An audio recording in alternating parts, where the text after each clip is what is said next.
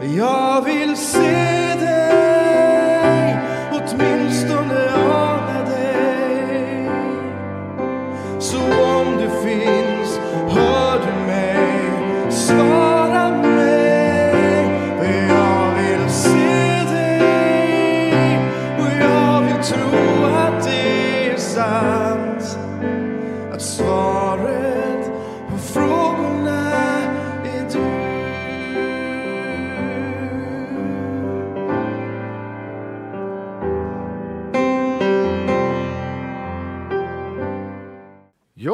för er som inte känner mig så heter jag Martin Kvidal. Eh, är eh, eh, inom belysningsbranschen till vardags och förkunnare på fritiden. Och nu är jag här på fritiden. Jättekul att komma hit igen. Och jag har en lång historia i den här församlingen och tycker att det är som att komma hem. Man känner så många människor på det här stället så att det, det är riktigt roligt att komma hit. Och idag ska jag predika om en hjälte, eller hjältinna rättare sagt. Det finns ju många hjältar i Bibeln eh, och det finns många hjältar i historien. Eh, och idag ska jag berätta om en hjältinna som kommer från Amerika och vi ska börja med att se en sång där det finns filmklipp, för det har gjorts film om den här eh, tjejen också, en fantastisk film. Harriet Tubman heter filmen, eller Harriet heter filmen.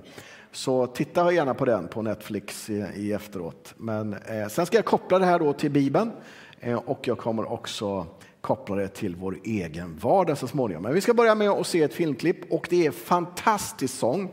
Fem minuter långt och det spelar ingen roll, det är fantastisk sång och det är eh, riktigt häftiga scener där också. Så vi börjar med det. Varsågoda. While the clouds roll back and the stars fill the night, that's when I'm gonna stand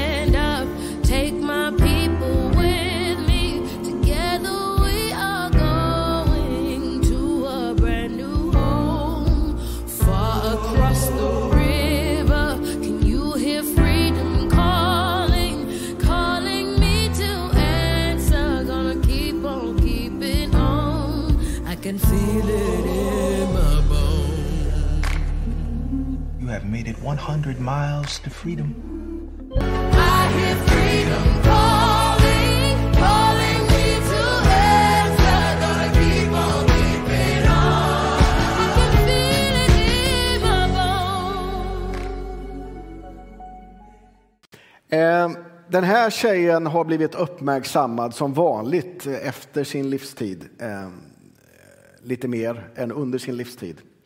Ehm, det tror jag finns tre museer om henne. Eh, och eh, bland annat i ett stort eh, museum i Washington, ett av de där stora museerna där. Man har föreslagit henne och kommer förmodligen att ha hennes ansikte på 20 dollars sedlar framöver. Och hon har fått erkännande efter sin tid. Hon föddes förmodligen, man var inte så noga med slavar för hon var född slav. Man var inte så noga med när de föddes och sådär och hade inte ordning på det. Men förmodligen så föddes hon 1824, själv visste hon inte riktigt. Ehm, men eh, vid sex års ålder, alltså föds in i slaveri, så vid sex års ålder så blev hon ofta uthyrd till olika sammanhang för att arbeta. Ehm, och fick vara ute i träsk och blev väldigt sjuk av det. Och bland annat så fick hon också passa barn. Och om barnet skrek när, när barnet var i hennes sköte, då blev hon piskad. Och hon berättar eh, i efterhand att eh, vid något tillfälle blev hon piskad sex gånger före lunch. Så det var ingen lek på den här tiden och hon bar ärr med sig hela livet utifrån detta. Både på kroppen men också självklart i själen. Och när hon var 12 år gammal så gick hon till handlaren där, skulle handla något åt de som ägde henne. Och då var det en annan kille där som också var slav som eh, handlaren blev väldigt irriterad och arg på. Ni kan kolla det här på Youtube sen och leta lite mer uppgifter om henne. Men han blev så arg och skulle ha tag i honom så han tog en sån här järnklump, två kilos, och slängde mot honom för att stoppa honom innan han sprang ut från affären. Och då gick precis eh, eh Harriet in där och fick den i huvudet. Så hon fick en, en, en väldigt allvarlig eh, skallskada, men hon överlevde. Och utifrån det så fick hon eh, narkolepsi och hon fick eh, också märkliga upplevelser. Eh, det som är, lite intressant med henne också, det är att Gud talade också genom de här eh, narkolepsieffekterna och kunde ge visioner under de här perioderna också. Det är lite spännande. Så Gud talade till henne. Hon var analfabet, det vill säga hon kunde inte läsa, hon kunde inte skriva, men hon var uppfostrad i den kristna tron och bad alltid till Gud. Och det är kanske det man gör när man kommer i problem, eller? Jag tror att det är så. Eh, och jag tror att vi har hamnat där nu också, du och jag, att vi måste börja be mer tillsammans och mer enskilt. Vid något tillfälle så bestämde hennes ägare att hon skulle säljas eh, och hon vägrade givetvis detta. De hade redan tagit två syskon av hennes familj och sålt iväg någon annanstans. Så det var som sagt var ingen lek på den här tiden överhuvudtaget, utan det var fruktansvärd verklighet eh, de levde i. Så hon bestämde sig för att fly. Och det här var i Maryland, i Caroline County i Maryland. Och hon flydde själv ensam till Philadelphia. Det är 16 mil dit och hon kunde bara röra sig på natten. Och på den här tiden om, om slavägarna, de skickade ju givetvis ut sina jägare för att ta fatt dem igen. Då var det inte roligt för dem eh, överhuvudtaget. Men hon kom till Philadelphia och fick för första gången i sitt liv uppleva frihet. Och hon var så lycklig. Så när hon kommer över gränsen där, finns med i filmen också, så tittar hon på sina händer och tycker de är gyllene. Och så gråter hon. Tänk att få uppleva frihet. Och de har aldrig fått, och hennes familj har aldrig fått heller. Men det räckte inte för henne. Hon fick ju hjälp då också av massa människor. Kväkarna, alltså en kristen grupp vid den här tiden, hade bestämt sig för att slaveri, det är inte Gud välbehagligt. Det stämmer inte överens med andan i Bibeln, även om det talas om slaveri där också. Men det är inte Guds mening att ett visst folkslag eller enskilda människor ska behöva arbeta utan lön. Det är orättfärdigt. Så de bestämde sig för, det här köper inte vi. Slaveriet är ogudaktigt, det kan vi inte ha. Så de hjälpte massa människor som flydde. Så de fick hjälp av kväkare att ta sig iväg då till Philadelphia och fick husrum och bo under hus och så vidare för att klara sig dit. Men det här räckte ju inte för eh, Minty, som hon kallades också, eh, eller Harriet. Hon blev kallad Lilla Moses också, just för att hon eh, eh, gärna hjälpte människor. Eh, så hon gick tillbaks med risk för sitt eget liv och räddade sin familj och flera andra människor från det här sammanhanget. Hon hade också med sig en pistol, för ibland var det några som ville gå tillbaks, de var för rädda. Men då sa hon antingen fortsätter du eller så dör du. Hon behövde aldrig använda den pistolen, men det är ju bra. Men det var en tuff, liten, kort kvinna, 1,46 lång. Hjälte ur mitt perspektiv. Eh, hon lyckades rädda, det finns olika uppgifter, mellan 70 och 300 personer på det här sättet. Hon åkte alltså 16 gånger tillbaks eh, eh, till, till de här ställena och fick med sig massa människor. Och under det amerikanska inbördeskriget så jobbade hon som spanare, hon jobbade som kock, hon jobbade som sjuksköterska och hon jobbade som spion. Och hon kunde ju området. Så vid något tillfälle så blev hon också då det första kvinnliga amerikanska befälet som var med och ledde operationer in eh, under det amerikanska inbördeskriget och räddade 750 människor på en enda gång Eh, och fick med dem till frihet. Och när de stiftade konstiga lagar i Philadelphia eller runt omkring i staterna där så tog hon med människor ända till Kanada. Det fick kosta vad det ville för hennes egen del. Hon var beredd att ge sitt liv för detta. Eh, och jag tycker det är fantastiskt. Se gärna den här filmen. Den är väldigt eh, eh, eh, spännande och att det just är en verklighet bakom gör det hela. Men det slutar inte med att hon Eh, var med i, under inbördeskriget där och befriade människor. Utan eh, hon fortsätter också när hon inte har något annat så att säga. Hon får ingen pension från det amerikanska militära givetvis för hon var en kvinna, hon var svart.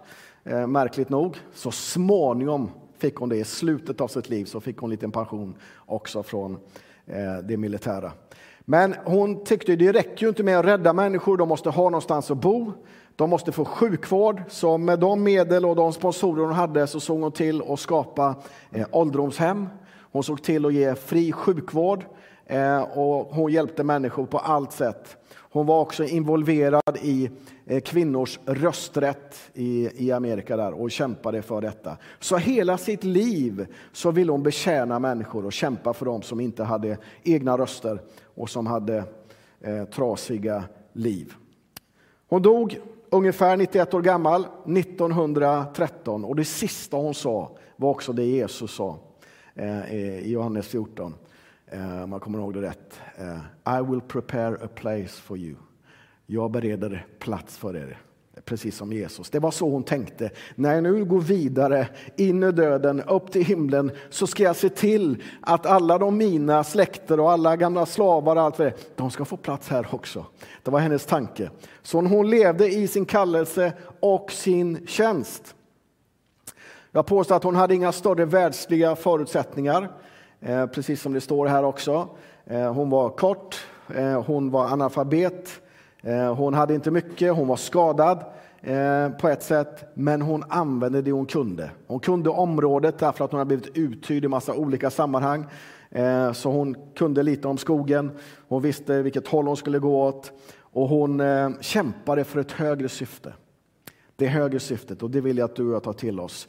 Vi måste ha ett högre syfte med våra liv än att bara arbeta, jobba för mig och mitt och min familj eller vad det nu kan vara. Vi måste leva för ett högre syfte, nämligen Guds rike. Det perspektivet bör vi ha med oss och det hade hon. Och när hon kommer och de jagar henne så kunde plötsligt Gud säga gå av vägen. När de med sig människor, då gjorde hon det. Eh, och så hör de Gud, här ska ni gå över. Och vid något tillfälle, finns med i filmen också, så vågar de inte gå. Men då gick hon själv ut i vattnet, 1,46 lång. Och så kommer vattnet ända hit upp. Och hon fortsätter gå och plötsligt så, så kunde hon gå över och då vågar de andra följa efter. Så hon vågade gå före oavsett kostnad och hon lyssnade på Gud. Gud talade till henne, det är också ett föredöme för dig och mig. Hon levde i barmhärtighet, hon hade ett rättvisepatos som jag tycker är väldigt bra. Och hon fruktade framförallt Gud mer än människor. Så när de försökte fånga henne på bron där, som också är autentiskt, så sa hon att eh, jag har rätt till två saker, frihet eller död.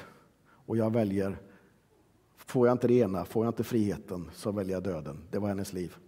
Eh, och jag tycker det är eh, lite spännande. så.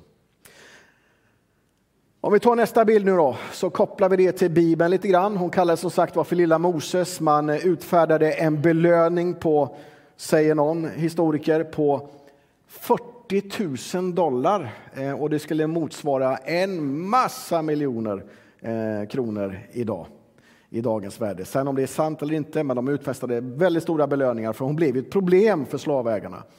Eh, men eh, hon förde människor ut ändå och eh, hon låtsades vara slav själv när hon var ute där på resor och låtsades arbeta på åken och gick med någon kyckling som hade huggit huvudet av där och, och låtsades att hon tillhörde någon. Så, så hon var en, en väldigt, vad ska man säga, full av stort mod helt enkelt. Hon vågade gå vägen. Och vi vet ju vad som står i Bibeln också. Det står så här om Moses. Herren sa, jag har sett hur mitt folk plågas i Egypten. Jag har hört deras klagorop över sina slavdrivare. Ja, jag vet vad de får lida. Nu har israeliternas klagorop nått mig och jag har själv sett hur egyptierna plågar och förtrycker dem. Så gå nu, jag sänder dig till farao och du ska föra mitt folk israeliterna ut ur Egypten. Och det var ju det hon inspireras av bland annat också, att föra människor ut i frihet. Gud gillar inte slaveri, eh, helt enkelt. Och eh, hon vågade gå. Sen när Jesus tar upp det här med slaveri, nästa bild, det är rätt intressant. Så vad säger han då? Eh, han säger så här, om ni förblir i mitt ord är ni verkligen mina lärjungar. De ska lära känna sanningen och sanningen, ni ska lära känna sanningen och sanningen ska göra er fria. Eh, förlåt, det här står som ni ser i Johannes 8 kapitel, vers 31 till 36. För att alla ska hänga med där. Eh, de sa, vi härstammar från Abraham och har aldrig varit slavar under någon. Vad menar du då med att vi ska bli fria? Jesus svarade, sannerligen, jag säger er, var och en som syndar är slav under synden. Slaven stannar inte i huset för alltid, men sonen stannar för alltid. Om nu sonen befriar er blir ni verkligen fria. Deras reaktion var lite konstig, för visst hade de levt i slaveri.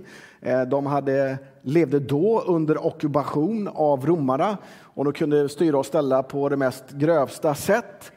Men här säger ju Jesus egentligen ett annat perspektiv på slaveri som inte handlar om fysiskt slaveri i den bemärkelsen, utan han säger att den som syndar är slav under synden. Så Bibeln uppmanar oss till att lägga bort synden, lägga bort det som eh, bryter ner oss och istället ta på oss Guds rättfärdighet eh, och Guds sanningar.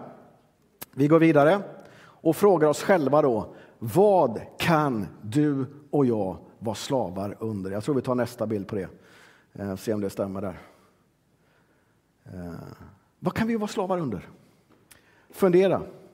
Jag tycker det finns några självklara saker som är antingen en förbannelse eller en välsignelse. Men det kan definitivt bli ett slaveri. Du kan vara slav under pengar, det vill säga att du lever bara för pengar, det är det som kommer först i ditt liv. Då blir du slav under det. Pengar är en Eh, dålig herre, men en god tjänare. Du kan vara slav under sex och samtidigt är sex en välsignelse. Men görs det på fel sätt så blir det en drog. Du kan vara slav under drogen. Du kan vara slav under människofruktan, det vill säga jag vågar aldrig göra någonting, jag vågar aldrig tänja på gränserna, jag vågar inte ställa mig upp och säga att någonting är fel och jag vågar knappt ställa mig upp och säga att någonting är bra.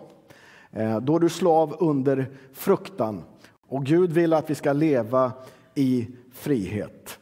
Du kan vara slav under aggression. Du blir så arg så du vet knappt vad du gör och när du vet knappt vad du gör så gör du förmodligen inte så bra saker. Har ni varit där någon gång?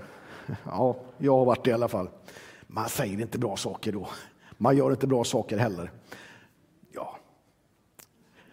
Tänkte just berätta en historia, men jag kan, jag kan bjuda på den också. Jag blev så arg vid något tillfälle. Jag tyckte frun sa något dumt tror jag. Så jag blev så ilsken. Jag slog först till tvn och sen slog jag näven rätt i dörren. Det är bara dörren gick inte sönder som jag hade tänkt, utan det gjorde handen och, och eh, lillfingret här, så benet gick ut här. Eh, och så fick vi åka till sjukhuset eh, och då läste jag Bibeln där och det första jag slog upp, där stod det eh, eh, eh, vredgens men synden icke. Eh, så då fick jag en liten läxa där, att jag kan bättre att stoppa lite innan och lugna ner sig innan man gör massa dumheter. Vad tycker ni om den historien? Har ni varit med om något liknande? Ja, det har ni allihop. Nej, inte du. Självklart aldrig gjort något. Nej, det är bra. Eh, men man kan vara slav under ilska. Eh, man kan vara slav under jämförelsens förbannelse. Eh, jag kommer ihåg vi, vi bodde i något område här i någon villa, så grejade vi, fixa och måla och greja, så kommer grannar och frågar, förstår ni inte vad man gör? Nu måste ju alla andra måla om också, och vi måste måla om, och vi måste greja trädgården eh, och allt vad det är. Så man kan leva i någon sorts jämförelse som inte är nyttig där heller, utan det är bättre att vara glad för det man har och njuta av det. Man kan vara slav under sitt arbete. Om arbete är det enda man håller på med. Man glömmer barnen, man glömmer sin partner, man glömmer allt annat, man bara jobbar. De har slav under sitt arbete. Eller hur? Jag tror det här är Jesu perspektiv på slaveri. Sen finns det ju äkta slavar också, men det talar jag inte om nu. Det får vi fundera på själva. Bibeln säger så här allvarligt. Vad hjälper det en människa om hon vinner hela världen men förlorar sin själ? Vad hjälper det om jag jobbar så mycket så jag kan göra precis vad som helst men förlora mina relationer med fru, eh, barn? men det är ju inte bra, eller hur? Utan jag tror inte att det finns någon som ligger på dödsbädden och så tänker så här, undrar varför jag inte jobbar mer. Det är få som gör. Men få kanske tänker, varför tog jag inte mer tid med mina nära och kära? Så det kan vi fundera på. Eh, det gäller att vända oss bort från synden och faktiskt ta på oss Guds rustning. Jesus säger så här något tillfälle också. Herrens ande är över mig, ty han har smort mig till att frambära ett glädjebud till de fattiga. Han har sänt mig att förkunna befrielse för de fångna och syn för de blinda och ge de förtryckta frihet och förkunna ett nådens år från Herren. Så Jesus vill befria oss till ett gott liv till ett liv i kärlek till honom och till varandra. Så det behöver ju inte vara så märkvärdigt, eller hur? Hur ska man förbättra den här världen så man lever mer för Guds rike och Guds rike tar tag i människor? Ja, det behöver ju som sagt var inte vara så märkvärdigt. Det förvånar mig ibland när jag har mörkerhistorier om hur man blir osams både i kyrkor och tillsammans i vardagslivet och så, så bryter man relationer. Och istället för liksom, nej men, vi kan väl umgås och ha det trevligt. Måste vi tycka samma sak? Nej, det är klart vi inte måste. Vi kan umgås ändå. Vi kan känna Gud ihop. Vi kan be till Gud eh, och allt det där. Det var en pastor som jag hörde nyligen som berättade om hur han åkte till, eller var ute på stan i Los Angeles. Och så fick han se en man på gatan som han var lite sliten eh, och han pratade för sig själv. Och så sa han bara Hello sir, how, how are you? Eh, Hallå grabben, hur mår du? Min översättning. Och då sa han bara, nu tar jag svenska resten, ni hörde hur dålig engelskan var. Eh, varför frågar du det? Varför, varför bryr du dig om mig? Nej, men jag såg dig ju. Så jag ville bara hälsa på dig. Men varför då? Jo, men jag såg dig. Jag ville bara hälsa på dig. Mår du bra? Och det var ju allt annat än bra han mådde. Så de satte sig på en bänk och pratade några timmar där. Och han luktade illa och allt det där hela vägen. Men han sa så här. Jag hade tänkt ta mitt liv nu, idag. Slänga mig framför någon bil eller tågbana. Men eftersom du pratade med mig och såg mig så ska jag inte göra det. Vad var det? Jo, det var en människa som såg en annan människa och vågade hälsa och prata lite grann. Jag brukar berätta om Mimmi Edin, jag kanske gjort det här någon gång också. Hon kom till gymmet, hon är från Tibro den tjejen. Så kommer till gymmet och så ser hon en tjej som står där och tränar och så hälsar hon på henne och säger hur är läget? Hon börjar gråta för ingen har pratat med henne på något år eller så. Förstår du vad det här lilla kan betyda för människor? Och du har säkert dina historier där du bara genom att vara medmänniska eh, kan lyfta människor.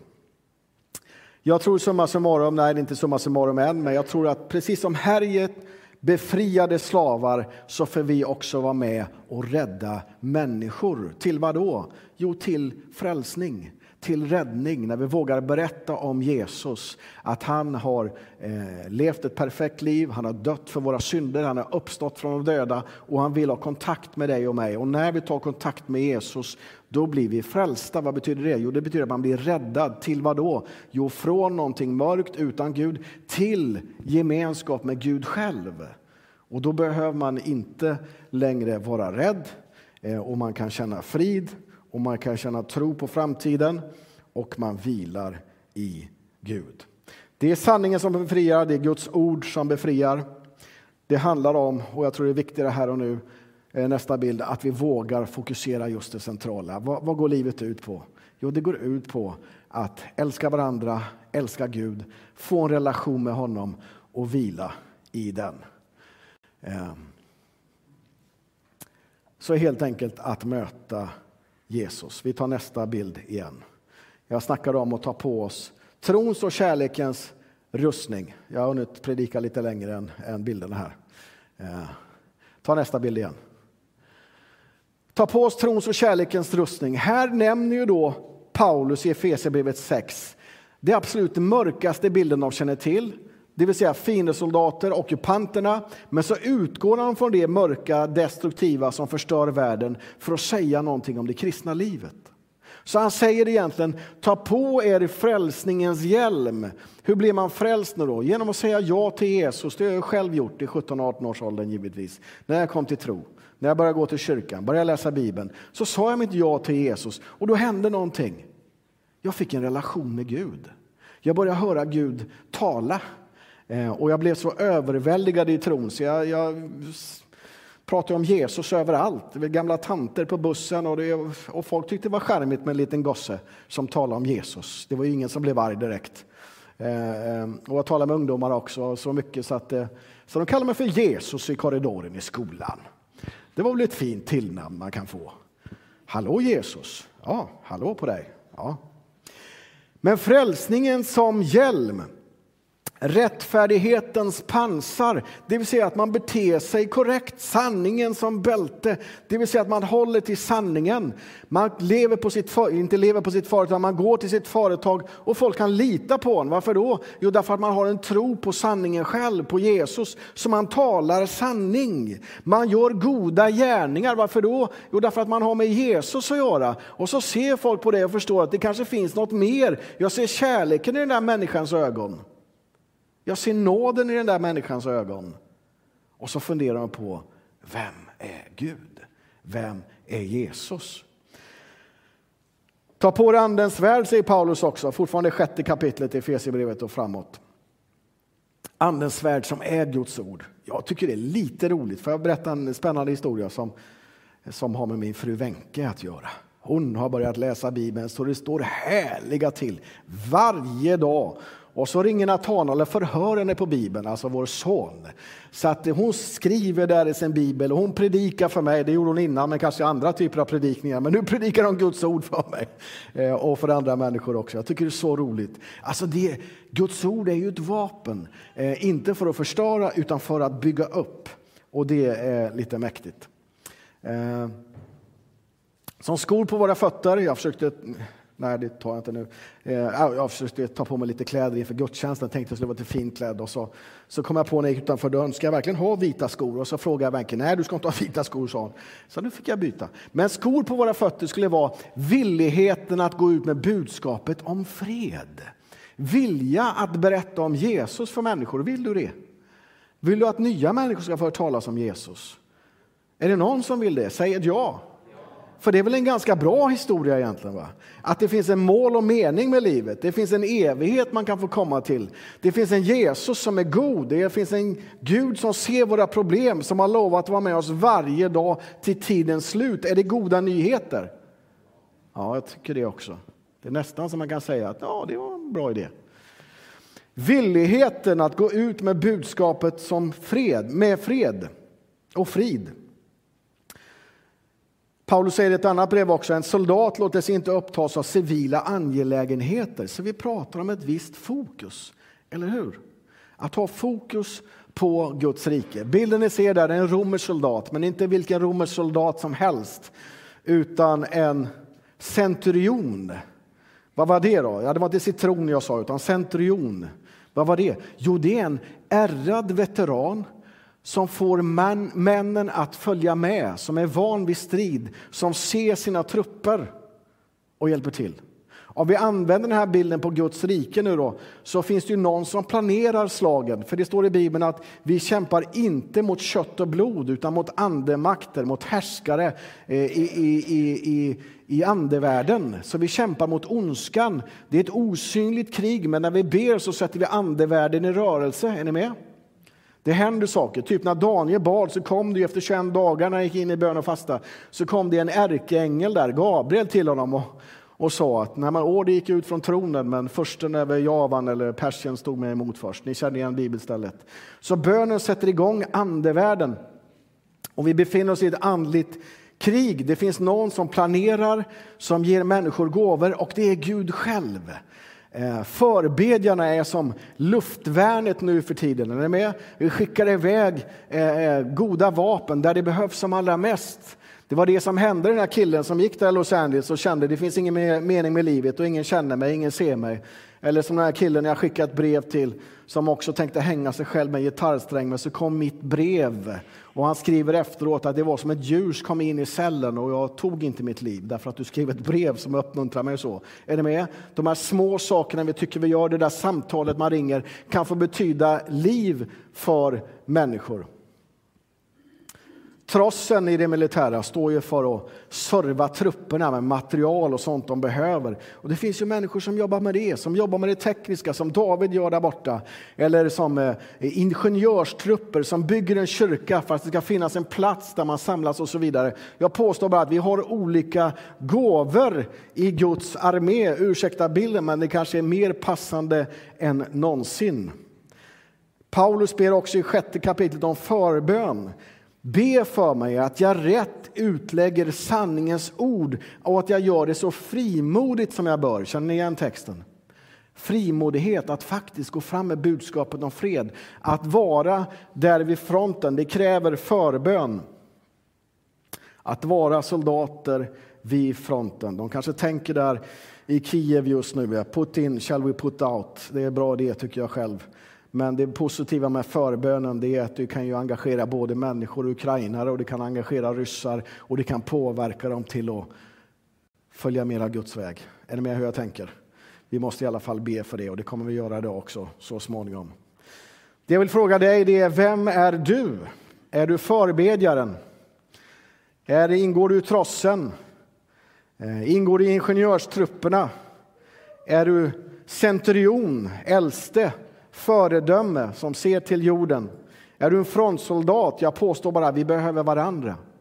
Harriet, som vi börjar med, hon var ju beroende av att det fanns människor som upplät sina hem, som gav dem mat och kläder när de behövde. Det behövs massor av olika tjänster i Guds rike. Och jag tror att det sker en mönstring just nu. Gud vill ha igång resurserna igen. Vi måste fokusera det viktiga igen. Kris gör att vi ser att vi behöver Gud.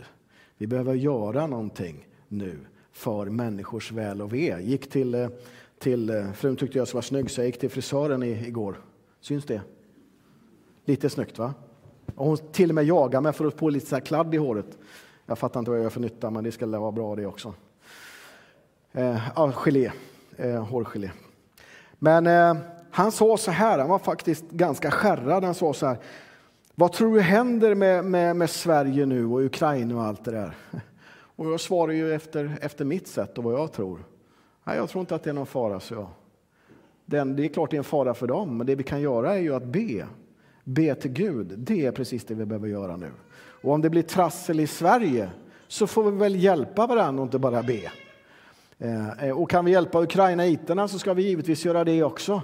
Ja, men tänk om ryssen kommer då? Springer du iväg då? Gömmer du då? Nej, det gör jag inte, så jag. Jag är för gammal för det. Och för, ja. Utan vi vilar ju i Guds händer, eller hur? Eh, vår egen väg vilar i Guds händer. Eh, så jag tror inte vi behöver vara oroliga. Jag tror att det är en hel del som är oroliga idag. Men då tycker jag det är så gott, och det jag uppmuntrar honom till också. Men låt oss inte bara be själva, låt oss be tillsammans. Eh, vi behöver varandra. Vi kan skapa tro, vi kan få tilltal. Eh, Gud kan visa vägen. Alla möjligheter finns i bön och tro och handling. Så vi får hjälpa varandra. Eh, och storyn med frisören slutar med Tack för att du kom. Eh, därför han behövde möta en människa som hade tro på framtiden. Och det har jag nu också. Och jag tror att det är viktigt att vi fortsätter att be. Och att vi nu efter, får vi hoppas då, pandemins slut, gå loss igen i det Gud har kallat dig och mig till som inte släpper och lever det här privata livet och jag sköter mitt så sköter du ditt. Nej, vi har ett ansvar för landet. Vi har ett ansvar för vårt samhälle. Vi har ett ansvar för våra familjer. Eh, och det är det vi måste ta nu igen. Så min fråga till dig i slutet är, vad kallar Gud dig till? Vad kallar han dig till? Det behöver inte vara något märkvärdigt, det kan ju vara det du gör. Eh, och, och, du tar ingen annans plats heller om det är Guds kallelse, som Thomas Sjödin brukar säga. Eh, vad är Guds kallelse till dig? Hur sprider du ljuset där du är? På din arbetsplats, bland dina arbetskamrater, bland dina studiekamrater. Hur sprider du Guds ljus där? Behöver du precis som jag och Paulus förbön för din tjänst? Förbön för din kallelse i det andliga kriget? ja men då har vi ju kommit rätt här idag. Eller hur? I nattvarden kommer vi be för varandra. Eh, och jag tror att vi ska be för varandras kallelser här idag. Att Gud fyller oss med sin kraft, nåd och energi. Att vi får vara de Kristi soldater han vill att vi ska vara. Himmelske Fader, jag tackar dig för att du kommer att gå med mig genom denna dag och att du kommer att välsigna mig och använda mig så jag kan välsigna andra. Jag tar på mig din vapenrustning, sanningens bälte runt mig, din rättfärdighet som pansar och bevaka begärelsen i mitt hjärta. Skona för de goda nyheterna om din frid, trons sköld för att avvärja attack från den onde. Frälsningens hjälm bevakar mitt förstånd och tankar, andens svärd som är ditt ord. Jag ber att du omger varje människa i min familj med ett hägn av beskydd. När de går denna dag, skydda dem från kroppslig och andlig skada. Jag tror och tackar dig, Jesus. Tack Jesus för ditt ord och tack Martin för din predikan. Eh, det var många ord du sa där som, eh, som rörde mig. Och eh, just nu känner jag mig kallad till att vittna. Det är inte lätt, jag har vittnat förut och det är verkligen inte lätt att vittna. För jag känner oftast att det finns en annan makt som inte vill att man ska vittna. Så be för mig. Det jag har vittnat om har handlat om mina, mina erfarenheter. Jag vet vad krig är. Så i torsdags när jag vaknade och eh, såg att eh, Ryssland hade eh, angripit Ukraina så fick jag en tung känsla i hjärtat och i hela kroppen. För att jag vet vad krig är och sen Eftersom jag är lite politiskt intresserad, eller mycket politiskt intresserad, så visste jag lite om bakgrunden. Eh, varför det, varför det, det blev som det blev nu. Men sen kom en röst till mig på engelska, Guds röst, som sa I have conquered the world. Och eh, jag kände igen den bibelversen. Och jag visste inte var jag skulle hitta den. Jag hoppades att det var i Johannes evangeliet som är en av mina favoritböcker i boken. Så jag googlade och sen hittade jag eh, det i efterhand. Och, eh, och där kände jag mig så befriad. Eh, jag kände att Jesus befriade mig. För vad, vad, vad som hade hänt är ju att mitt trauma kanske hade kommit tillbaka och eh, jag hade kanske börjat tänka på dem jag har förlorat under kriget i mitt hemland. Eh, det man såg när man var barn och så. Men jag tackar Gud för att han befriade mig. Med det ordet, då kunde jag släppa allting. Och sen kom det ett annat, på franska den här gången, där Jesus sa Je suis le chemin, la vérité et la vie. Och det är ju, jag är sanningen, jag är vägen, sanningen och livet. Och där var det liksom crystal clear. Då behövde jag inte fundera på någonting. Jag skulle bara fortsätta att be. Eh, be till Gud, be för min familj, be för min församling, be för världen, be för Sverige. För att Gud vet ändå, det här är ingen överraskning för Gud. Gud vet vad som ska ske och han har en plan för oss och för vår värld. Och eh, undrar vi, liksom precis som man gör som kristen, hur kan jag hjälpa till? Det finns många sätt att hjälpa, men vi kan också hjälpa genom bön. Och eh, någon sa till mig för länge sedan att alla svar hittar man i Bibeln. Undrar man har man en fråga. Det finns en sanning och det är Jesus. Och det finns en väg och det är Jesus. Och, och livet, det är Jesus. Vad är livet utan Jesus? Det är ingen frihet. Man är inte fri om man inte har Jesus. Och det som befriade mig, det var när jag döpte mig för snart fem år sedan. Och jag, jag blev ny, liksom. Jag, jag slutade vara rädd. Och det var 14 år efter jag kom till Sverige. Då slutade jag vara rädd för de här, för minsta lilla ljud kunde jag känna något obehag. Eh, jag slutade vara rädd för mörkret. Gå gå, gå ut när det är mörkt. Och jag slutade vara rädd för män, för det var det, ja, det var det jag, det var mitt, min trauma så att säga.